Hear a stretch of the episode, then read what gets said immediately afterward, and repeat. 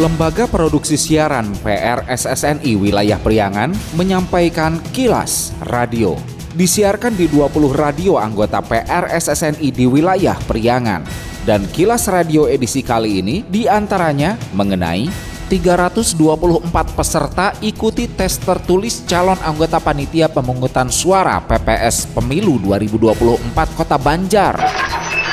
Akhir pekan, Pangandaran cerah aman dikunjungi. Meski kemarin tingkat hunian kamar hotel selama libur pergantian tahun rendah. Pendengar, inilah kilas radio selengkapnya. Kilas Radio. Kilas Radio. Kilas Radio. PR SSNI Jabar Wilayah Priangan.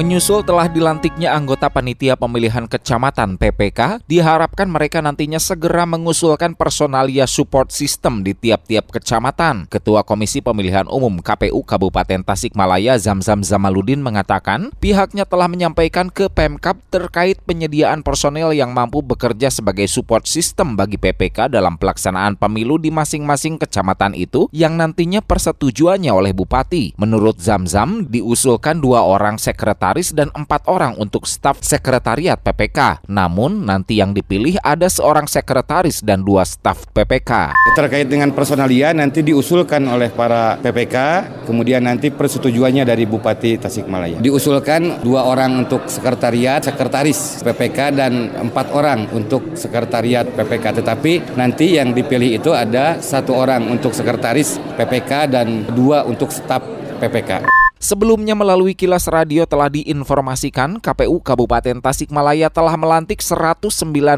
anggota panitia pemilihan kecamatan PPK secara resmi pada Rabu 4 Januari. Mereka akan bekerja di 39 kecamatan, masing-masing kecamatan akan diisi lima orang personil PPK. Usai pelantikan, para anggota PPK menjalani bimbingan teknis BIMTEK lalu menentukan pembagian tugas, menentukan ketua, serta pembagian lima divisi.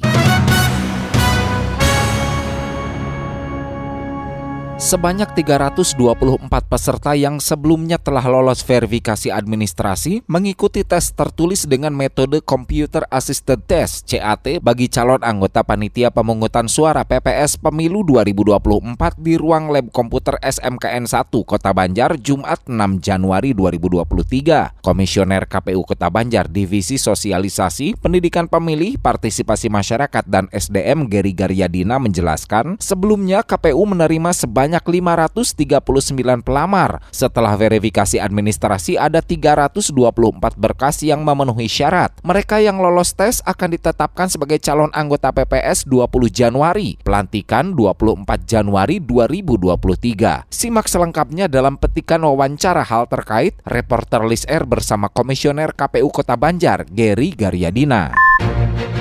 Kegiatan hari ini apa Pak? Oh ini tes tertulis untuk calon anggota panitia pemungutan suara pemilu tahun 2024. Alhamdulillah kita melaksanakan tes tertulis secara CAT. Jumlah keseluruhan? Lama sebanyak 539 uh -huh. dan berkas yang dinyatakan memenuhi syarat 324 peserta. Setelah melaksanakan CAT ini diambil berapa ini? Nah, menurut ketentuan di peraturan KPU diambil tiga kali kebutuhan. Jadi kalau kebutuhan di TPS itu ada tiga orang, jadi dikali tiga kali kebutuhan diambil sembilan orang. Nah, setelah nanti masuk ke tahapan wawancara diambil tiga orang. Harapannya sendiri Pak untuk para calon anggota PPS ini? Kami sih berharap para calon terpilih ini bisa memaksimalkan ikhtiar dalam melaksanakan kerja-kerja kepemiluan. Tentu tantangan pemilu sangat berat, maka dibutuhkan fisik yang kuat, mental juga kerja keras agar proses penyelenggaraan pemilu di Kota Banjar berjalan dengan baik dan para penyelenggara pemilu di tingkat ad hoc bisa melaksanakan kerja-kerja yang profesional, berintegritas, juga akuntabel. Setelah nanti ada tahap wawancara yang sudah terpilih dari tiga orang dari setiap kelurahan atau desa ini, untuk pelantikannya sendiri kapan? Menurut jadwal ya pelantikan anggota PPS pada tanggal 24 Januari. Jadi setelah kami tanggal 20 Januari menetapkan anggota PPS, hmm. dilakukan pelantikan pada tanggal 24 Januari 2023. Kilas Radio. Kilas Radio. Kilas Radio. PR SSNI Jabar Wilayah Priangan. Februari awal sudah ada dua pasien yang meninggal dunia. Rendahnya kesadaran masyarakat dalam menjaga kebersihan lingkungan dan pola hidup bersih dan sehat menjadi salah satu pemicu berbagai persoalan gangguan kesehatan. Assalamualaikum warahmatullahi wabarakatuh. Resiko gangguan kesehatan banyak diakibatkan kondisi lingkungan dan pola hidup yang kurang baik. Untuk itu, saya CK Virgoansa, penjabat Wali Kota Tasikmalaya, menghimbau dan mengajak seluruh warga Kota Tasikmalaya untuk berkolaborasi bersama pemerintah dalam menjaga kebersihan lingkungan dan senantiasa menerapkan pola hidup bersih dan sehat demi terciptanya Kota Tasikmalaya yang lebih baik lagi. Tasik Kota Resik pasti bisa. Bila taufiq wassalamualaikum warahmatullahi wabarakatuh. Ayo berkolaborasi, wujudkan Tasik Kota Resik, ramah, endah, sehat, berpondasi iman dan takwa, serta kota Tasikmalaya yang kertara harja. Iklan layanan masyarakat ini dipersembahkan Kilas Radio PR SSNI Priangan dan Dinas Komunikasi dan Informatika Kota Tasikmalaya. Bila Anda mendapatkan hal-hal atau peristiwa penting untuk diliput oleh tim Kilas Radio, hubungi hotline servis kami, SMS atau WA ke nomor 0813 2424 5911 0813 2424 5911 Masih informasi terkait kepemiluan. Pasca pelantikan 135 orang anggota PPK di Ciamis Rabu 4 Januari, Komisi Pemilihan Umum KPU setempat akan mensupervisi hingga pelaksanaan pemilu 2024 dan pilkada serentak. Ketua KPU Kabupaten Ciamis Sarno Maulana Rahayu mengatakan pendampingan dan evaluasi anggota PPK dimaksudkan untuk menjaga integritas dan profesionalisme dalam menjalankan tugas yang sesuai regulasi atau aturan yang berlaku. Sarno menyebut dengan kerja sesuai aturan dan menjunjung tinggi integritas diharapkan pemilu berjalan lancar dan baik teman-teman PPK ini bekerja,